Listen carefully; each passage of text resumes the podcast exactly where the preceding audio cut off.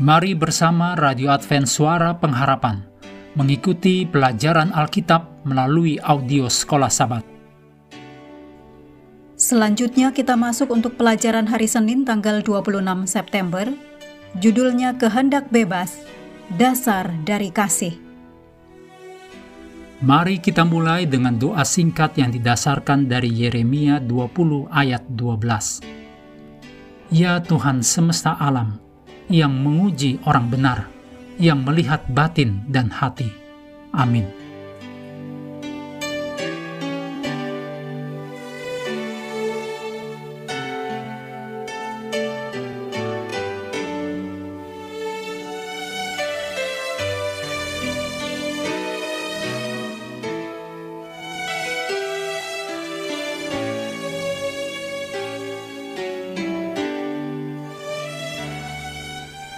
1 Yohanes 4 ayat 7 sampai 16, perikop Allah adalah kasih, mengatakan kepada kita tentang kehendak bebas sebagai syarat untuk memupuk kasih. Bunga tiruan bisa sangat indah, tetapi bunga itu tidak dapat tumbuh dan mekar seperti bunga asli. Robot diprogram untuk berbicara dan melakukan banyak tugas, tetapi mereka tidak memiliki kehidupan maupun emosi. Pada kenyataannya, hidup dan kehendak bebas adalah syarat mutlak bagi seseorang untuk menerima, mengolah, dan berbagi kasih. Jadi, Tuhan kita yang penuh kasih menciptakan malaikat yang suci, termasuk Lucifer, dan juga manusia, dengan kebebasan untuk membuat pilihan mereka sendiri, termasuk kemungkinan memilih jalan yang salah. Dengan kata lain, Tuhan menciptakan seluruh alam semesta sebagai lingkungan yang sempurna dan harmonis bagi makhluk ciptaannya untuk tumbuh dalam kasih dan kebijaksanaan. Dalam 1 Yohanes 4 ayat 7 sampai 16, Rasul Yohanes menggarisbawahi bahwa Allah adalah kasih dan bahwa ia menyatakan kasihnya kepada kita dengan mengirimkan anaknya sendiri untuk mati bagi dosa-dosa kita. Oleh karena itu, kita harus mengungkapkan rasa syukur kita atas kasihnya yang tak terbatas dengan saling mengasihi. Kasih seperti itu yang berasal dari ilahi akan menjadi bukti yang paling meyakinkan bahwa Allah tinggal di dalam kita dan bahwa kita tinggal di dalam Dia. Seruan untuk mencerminkan kasih Tuhan kepada satu sama lain masuk akal hanya jika ditujukan kepada makhluk yang dapat memilih untuk memupuk dan mengekspresikan kasih itu, atau sebaliknya, menjalani kehidupan mementingkan diri sendiri. Namun, kebebasan memilih dapat dengan mudah disalahgunakan. Fakta menyedihkan ditunjukkan dalam pemberontakan tragis Lucifer di surga bahkan menyadari pentingnya kehendak bebas, beberapa orang masih bertanya-tanya, jika Tuhan tahu bahwa Lucifer akan memberontak, mengapa Tuhan menciptakan dia?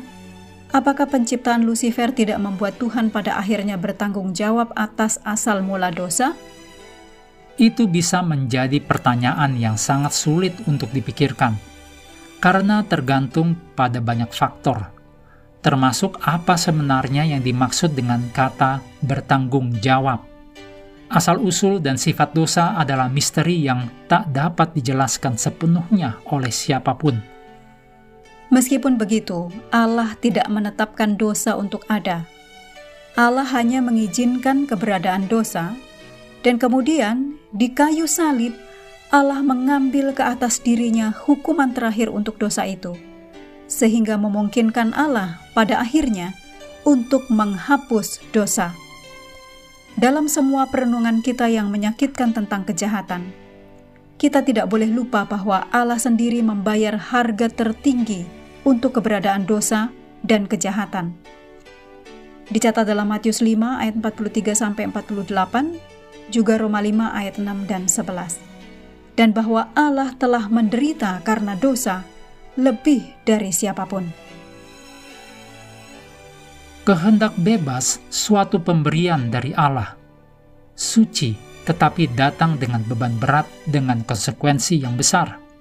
Tidak hanya untuk diri sendiri, tetapi juga untuk orang lain.